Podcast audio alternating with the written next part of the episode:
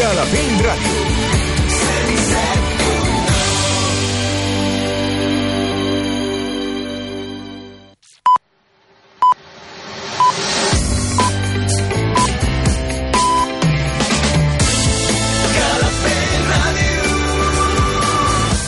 Són les 8.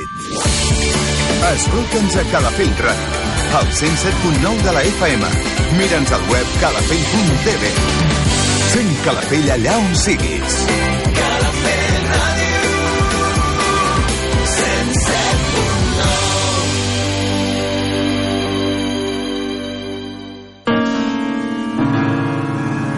L'Hora del Jazz.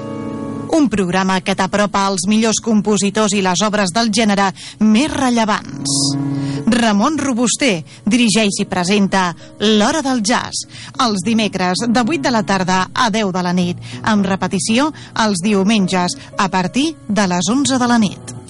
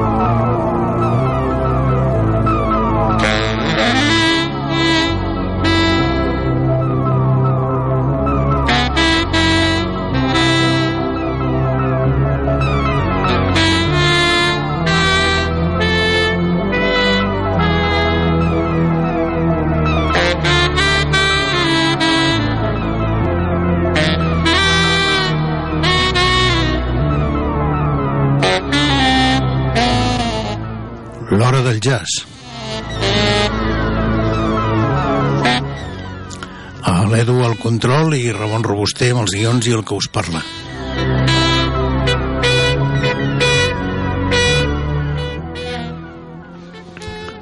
El programa d'avui es basarà en dues novetats molt de, de fa pràcticament un mes, un mes i mica, i farem una cosa una mica especial que en altres ocasions ja han fet a l'hora del jazz.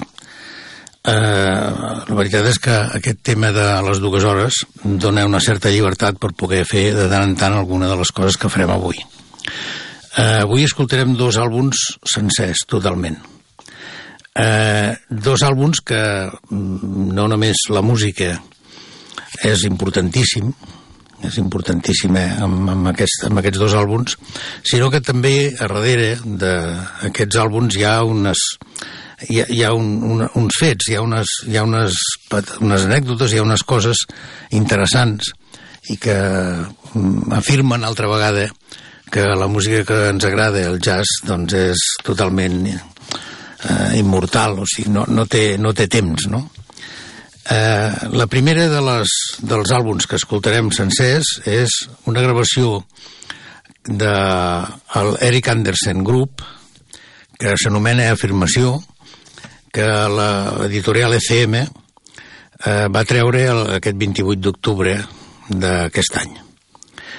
Eh, això va estar gravat eh, el novembre del 21 als Rambo, Rambo Studio d'Oslo, aquests famosos estudis que molt, molta gran quantitat, eh, un tant per cent altíssim de les gravacions de CM han estat fetes aquí.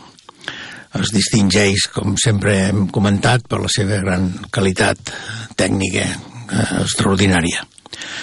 Eh, és un, és un esdeveniment que, que Eric Andersen tregui un nou àlbum, tot i que mm, aquest senyor, que actualment està amb 77 anys, eh, porta més de 50 gravant àlbums per ECM. Eh, el primer que jo recordo, eh, que va ser un, una, una troballa totalment singular i espectacular per mi quan el vaig comprar, eh, és la gravació aquesta de Núvols sobre el meu cap, de 1975 eh, que va editar l'ECM, aquella famosa portada de les fulles que van caient, les fulles seques de, sembla d'un plataner que van caient, no? Eh, era un so diferent, era totalment a part, era una cosa diferent. Aquest és el primer àlbum que ell va treure com a, com a líder a l'ECM, tot i que abans, ja el 1970, havia fet gravacions eh, amb, amb, amb altres col·laboradors d'ECM, com el Jan Garbarek o altres músics. I la cosa ha anat seguint, no? I aquesta ocasió eh, poder el que puc fer és explicar una mica el que explica la web de CM en relació amb aquest àlbum perquè és realment el que va passar i és una forma ràpida de, de, de posar en, en, en context eh, aquesta gravació. Eh, el, el senyor Manfred Heisset va, va cridar al senyor Eric Andersen perquè fes una gravació d'aquest quartet nou que tenia que, que volia fer una gravació. Uh, aquest quartet ja feia un temps que actuava, que actuava en, en, concerts. Eh, us vaig dir els noms de, dels, dels músics que intervenen en aquest quartet.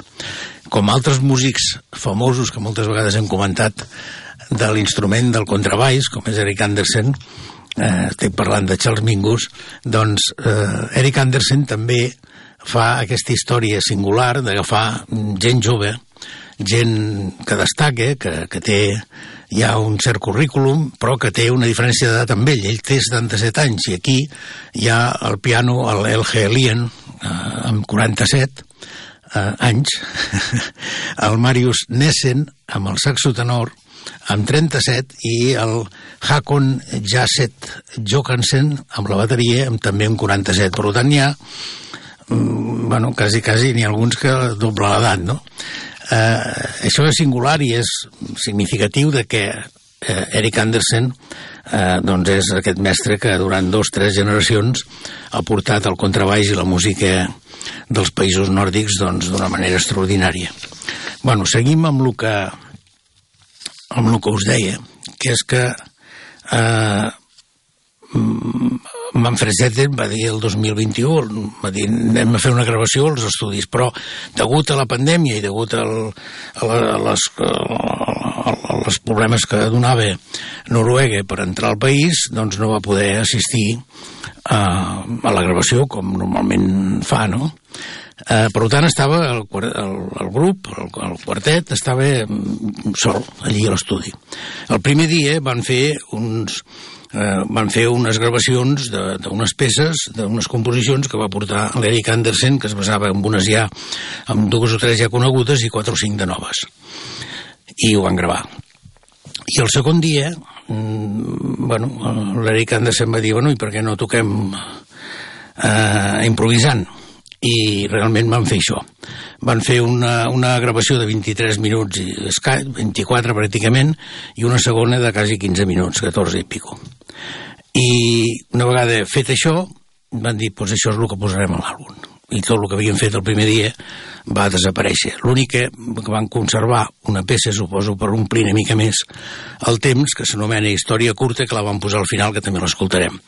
Per tant, estem parlant d'un àlbum totalment improvisat, amb gravació, amb gravació amb un estudi, sense cap preparació, i, a més a més, i ho remarquen molt a ECM, sense editar eh, en tota la seva totalitat. O sigui, tal com exactament es va gravar, les dues sessions, la de 24 minuts i la de 15, o 14 i pico, eh, estan a l'àlbum, no hi ha més. Eh, això ja és una, és una cosa interessant i singular i que és de molt agrair que de tant en tant hi hagi gent, músics, mm, que facin aquesta història, no? Perquè sabem que molts ho poden fer, però no ho fan. Eh, suposo que hi haurà uns condicionants sempre amb les gravacions de CDs que porten eh, a que això no es faci.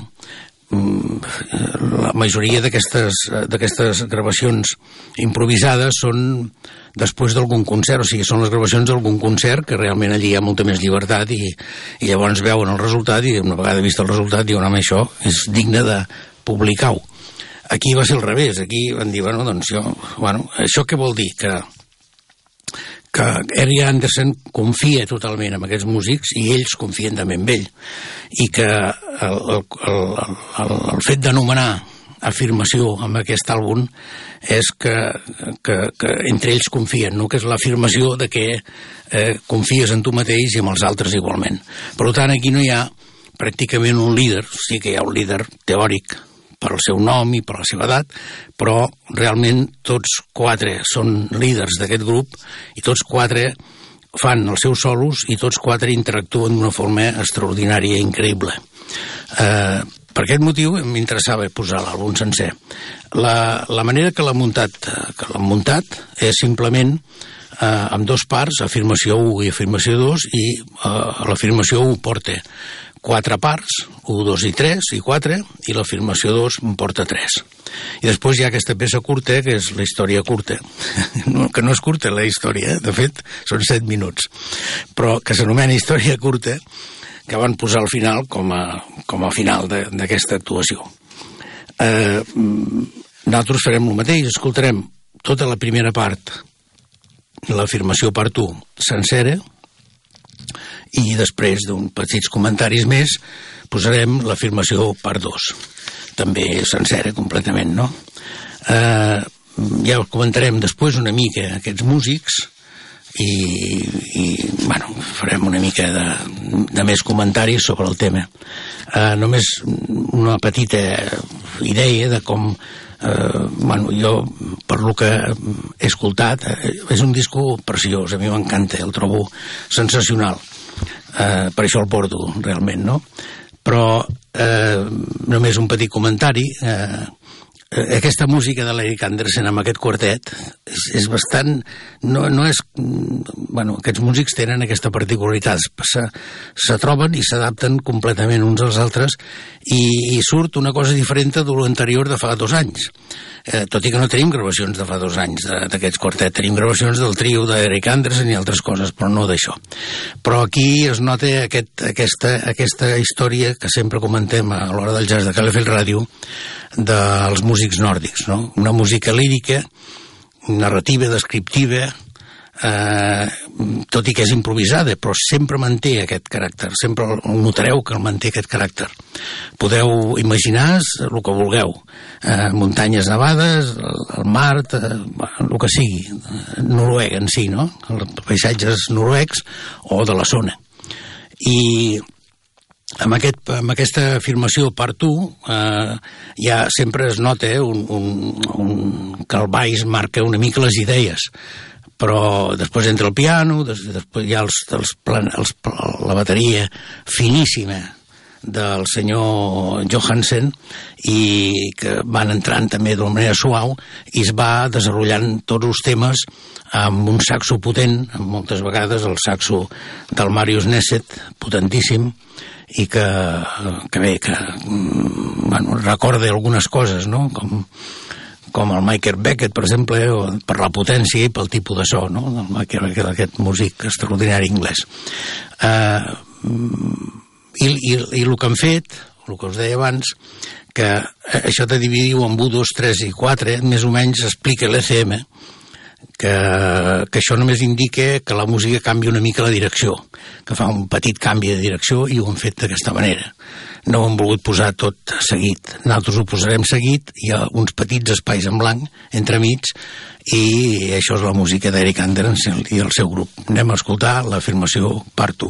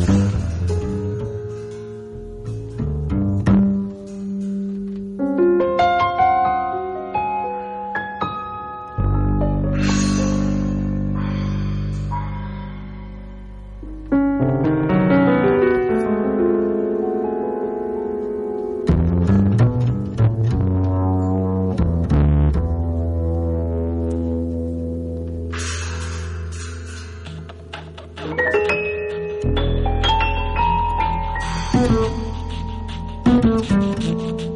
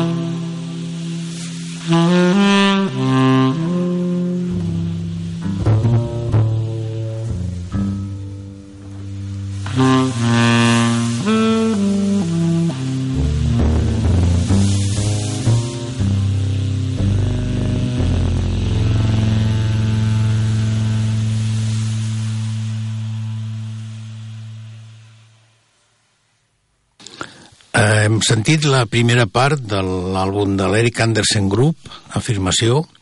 La primera part és la part 1, Afirmació 1, i ara anirem per l'afirmació 2. Abans de seguir amb aquesta segona part, que van gravar, com us he explicat al començament del programa, eh, amb una sola sessió i després es va editar sense tocar res, res de res, si, simplement tal com van fer les dues sessions, la primera i la segona que escoltarem, eh, la van posar a l'àlbum i s'ha acabat. No hi va haver ni edició ni res, tal com va sortir. Uh, aquí hi ha alguns punts en algunes cròniques d'aquest àlbum que diuen que, que és constant que el Manfred Heisset aquest, el, el jefe de ECM eh, que sempre està apretant no? a molts músics entre ells l'Eric Andersen que diu eh, per què no entres no entres i fas una mica d'improvisació aquí l'Eric Andersen i els seus músics i el seu, el seu quartet li van fer cas i bueno, tot l'àlbum és això, no? una improvisació eh, creada en aquell moment i que, tot i que eh, aquest, aquest quartet es va crear el 2018 eh, el propi Anderson diu que no han fet masses actuacions per culpa de... Bueno, ell fa, ell fa broma i diu per culpa de la corona, però, en fi, eh, se suposa que és per culpa de, de la, la pandèmia i tot el que hem estat passant aquests anys.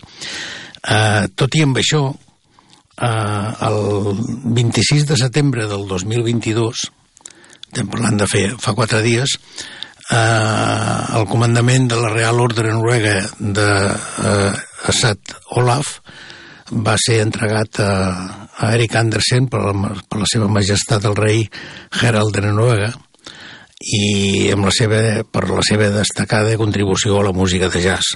És un, és un, una ordre que se dona molt poca gent i Eric Andersen doncs aquest 2022 va, li van donar uh, ell sempre diu que el que explica amb aquestes cròniques que podeu trobar a través de la red que ell el que sempre, sempre ha volgut fer és que el seu baix canti. I perquè canti? Doncs utilitza el propi baix, un baix clàssic eh, amb, amb alguns afegits, amb, barrejant timbres acústics i, i amb una part electrònica amb, el, amb, els, amb els teclats, no amb els teclats, amb els botons dels peus i tal. Això ho noteu perquè hi ha moments que realment està cantant aquest baix, no? Uh, la resta de, de, de el Mario Sennett, per exemple, que és el saxo, el diari The Guardian diu que té un so potentíssim i que, el que us comentava abans, no? que, que s'assembla a altres músics que, coneguts.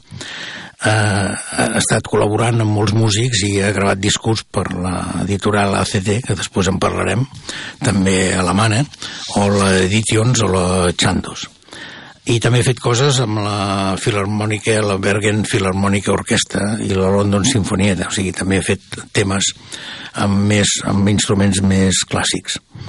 El, el, el Helien diu que va créixer influenciat amb el jazz i amb el folk escandinau i, i, i mm, des de fa molt de temps mm, porta un trio propi que, segons diuen, és el millor trio de jazz noruec eh, de, en molt de temps, molt, durant, bueno, és un dels millors. I que l'Eric Anderson ja ha fet altres col·laboracions, amb ell, amb l'Eric Anderson han tocat amb altres, amb altres grups i el bateria, el Hakon uh, Jasset Johansen, uh, és, un, és un col·laborador de músics importantíssim, com Matthias Heit, també un, que està gravant amb BCM, Ole Morten o Morten Wagen i altres músics. I, i aquesta història d'aquesta finura que hem sentit ja a la primera part i que escoltarem ara seguidament és fantàstica i a mi m'encanta aquest bateria, el trobo finíssim i, i, i que amb, amb, el, amb el so aquest ampli i que a vegades es, sembla que hi hagi tota una orquestra darrere del, del baix de l'Eric Anderson doncs va amb una finura increïble.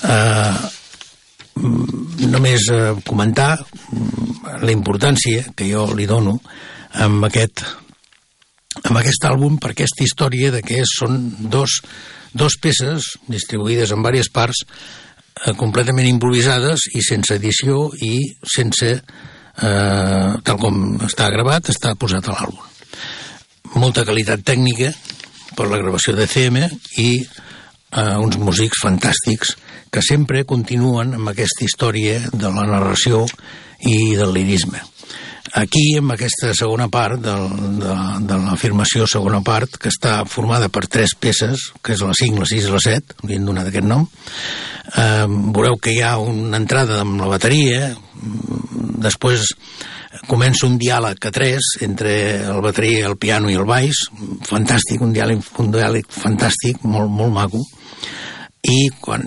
de, apareix el saxo de Nessen, doncs eh, contundent i amb una energia fantàstica, brutal, eh, fins al final, que, que hi ha tota una sèrie d'improvisacions.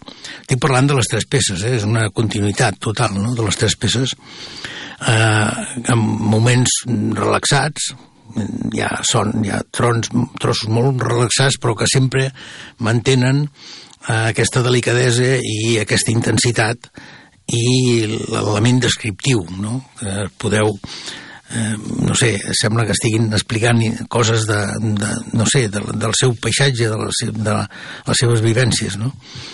I al final el saxo de Nessen acaba amb un, amb un so líric, amb uns tons lírics fantàstics i amb una harmonia, amb unes harmonies increïbles. Uh, anem, anem per aquesta segona part, amb tres peces, eh, de l'afirmació part 2 d'aquest àlbum fantàstic del Eric Andersen Group.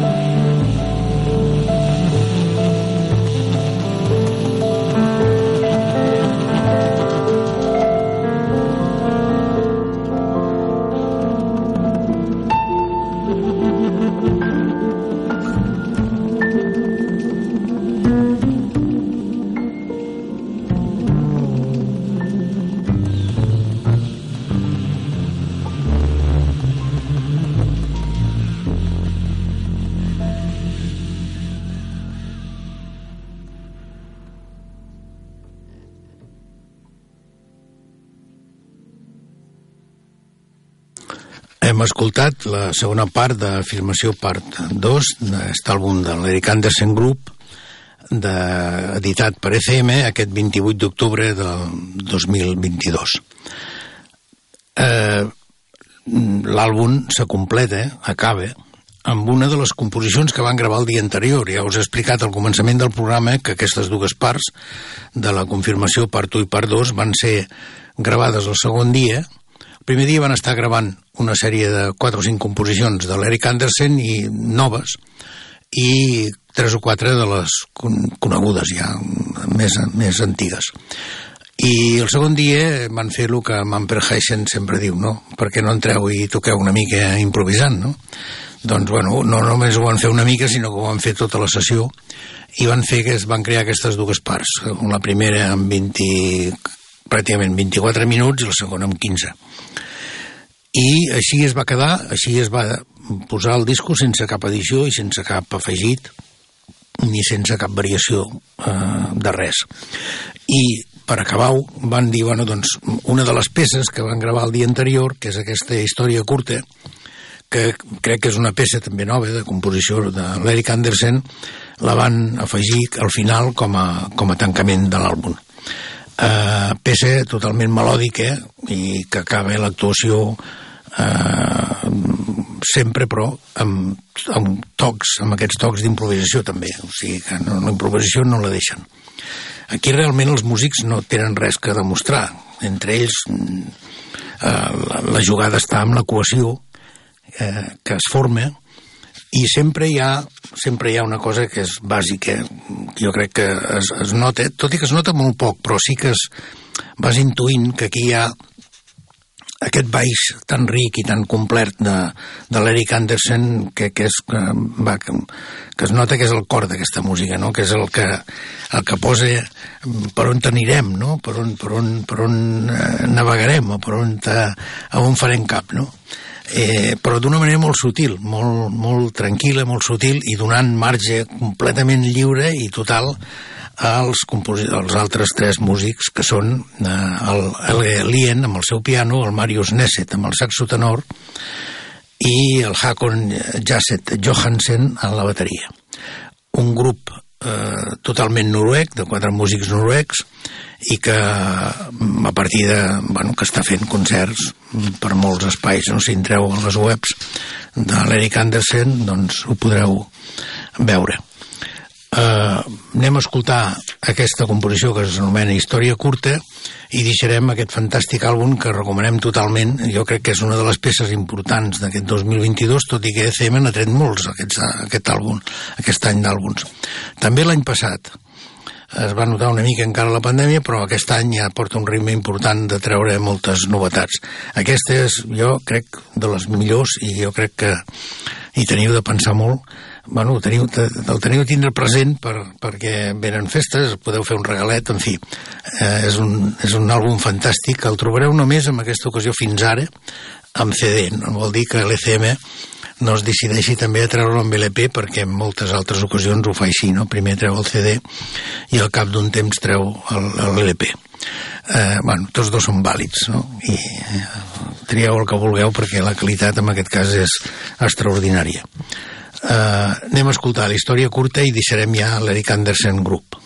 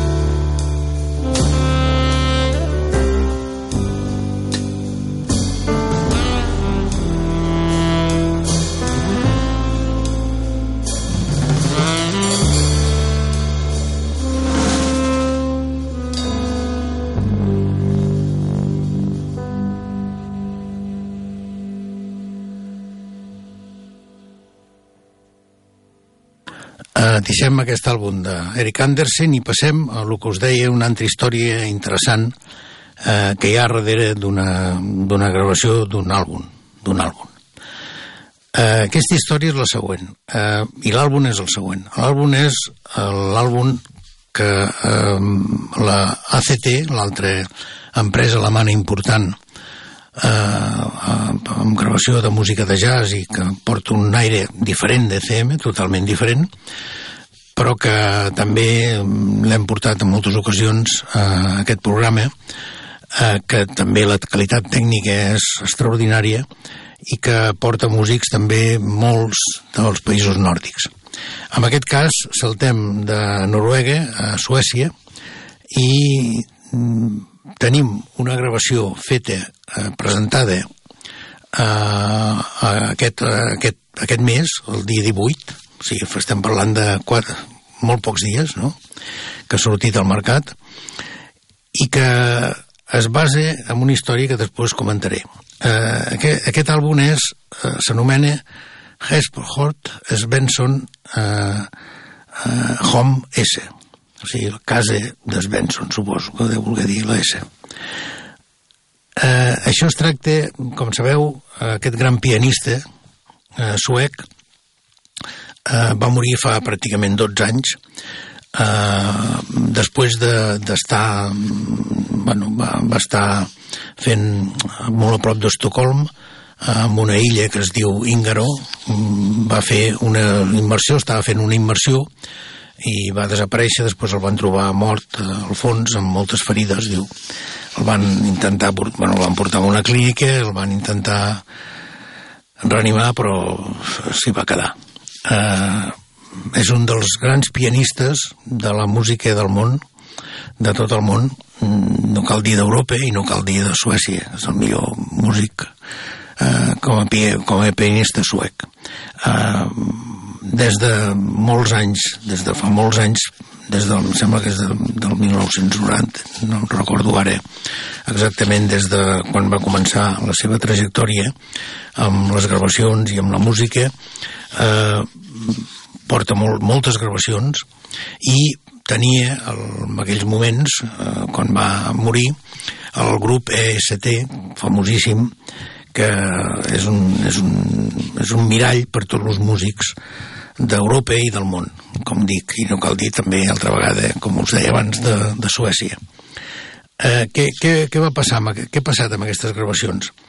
Aquestes gravacions, molt pocs dies abans d'aquest eh, 14 de juny del 2008, que el van trobar mort eh, després d'aquesta immersió, eh, va estar a la seva casa, va estar gravant com feia normalment als sòtonos, això és el que explica la seva dona, la Eva Svensson. Uh, va estar, bueno, va estar tocant ell, el que sentia la seva dona és que el que feia cada dia, que era tocar el piano, eh, el que no sabia és que estava gravant, estava fent unes gravacions ell sol al piano. Eh, quan va morir, mm, explica la seva dona que el primer que va fer va ser recollir tot el que tenia d'informació d'ordenadors i discos durs, ho va recollir tot, ho va fer còpies de seguretat de tot, no va mirar, no tenia, no tenia aquells, en aquells moments no era capaç de mirar el que hi havia, eh, va fer còpies de seguretat, ho van guardar en un armari i ell es va quedar.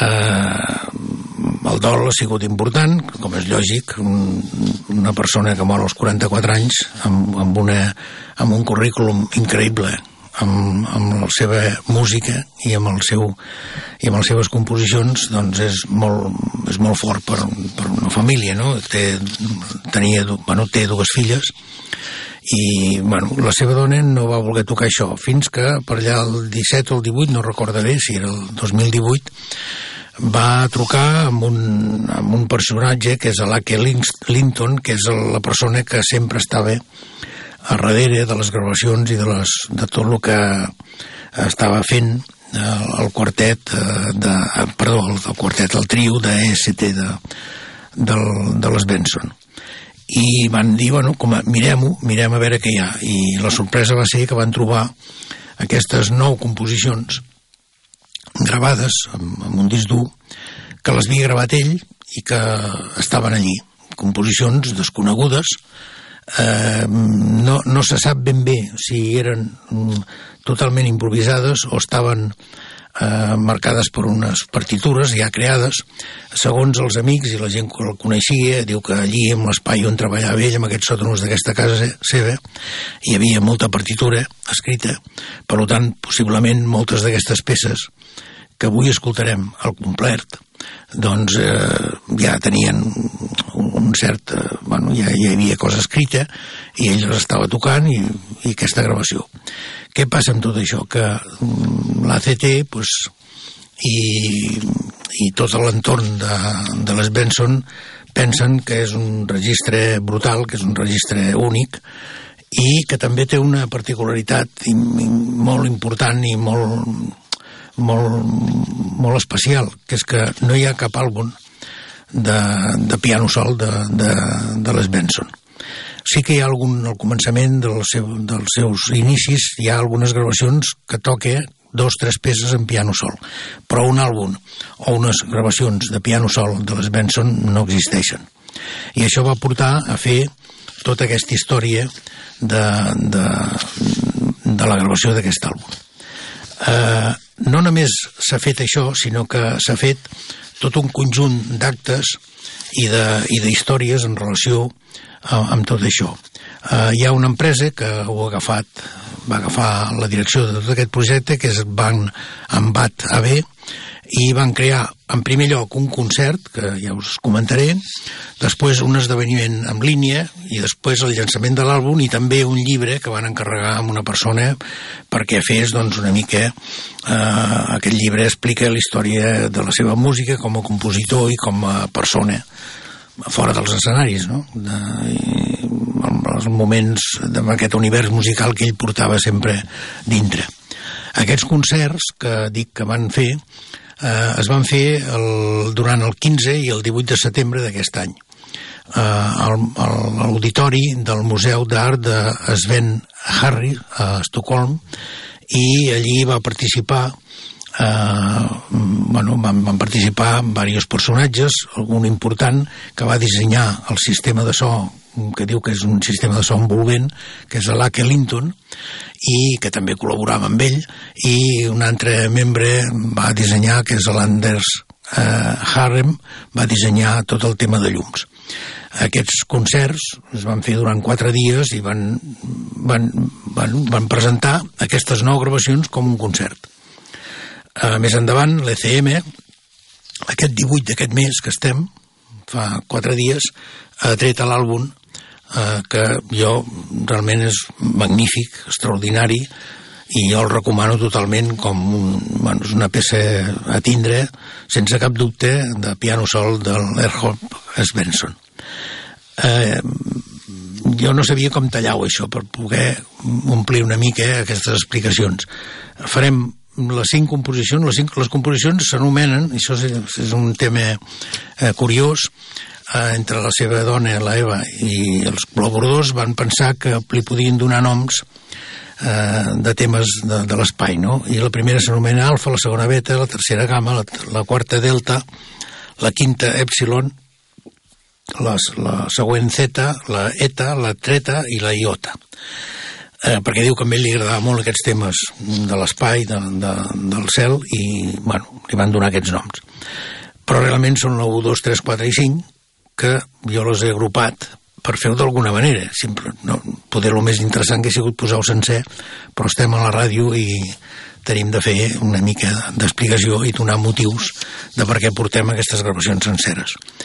Anem a escoltar aquestes primeres cinc composicions i veureu aquesta història fantàstica de l'Erhon Svensson que va deixar gravada i que ara, després de 12 anys, hem pogut recuperar i escoltar i quedar amb la boca oberta.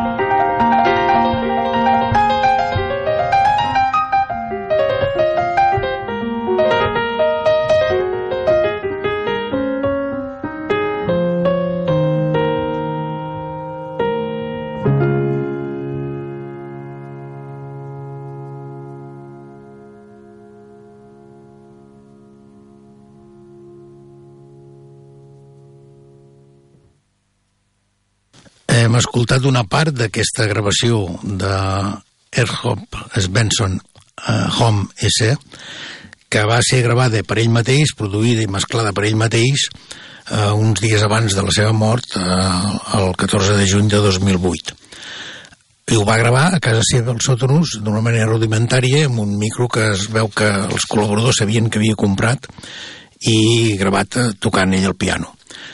Eh, aquest, aquest company i amic de, del trio, del famós trio de Benson, a la que Linton va fer una recerca de totes les empreses pròximes que podia haver estat ell per gravar això i tots li van dir que no ho havia fet. Per tant, és cert que va estar gravat per ell directament al seu sòtano sense cap problema. I la gravació, tècnicament, és fantàstica. Uh, bueno, uh, si entreu a, les, a la web de, d'ell, de les Benson, veureu tota aquesta història que s'ha creat a través d'aquest esdeveniment de trobar aquestes gravacions després de 12 anys. Bueno, es van trobar al cap de 10 anys i durant un any i mig doncs, han fet tota la, tota la programació per, per aquest acontejament i per aquesta història. Eh, com heu sentit, eh, la primera era una peça cristal·lina totalment, la gamma, per exemple, és una balada eh, d'aquestes descriptives precioses, eh, folk, gospel, tot junt, algunes són peces que donen un toc com l'Epsilon, la número 5, l'última que hem escoltat, quasi clàssic, sembla que se'n va cap a... Bueno, era normal amb ell, això. I ara escoltarem les quatre que falten per completar aquest àlbum de nou composicions que van trobar gravades. És la seta, la eta, la treta i la iota.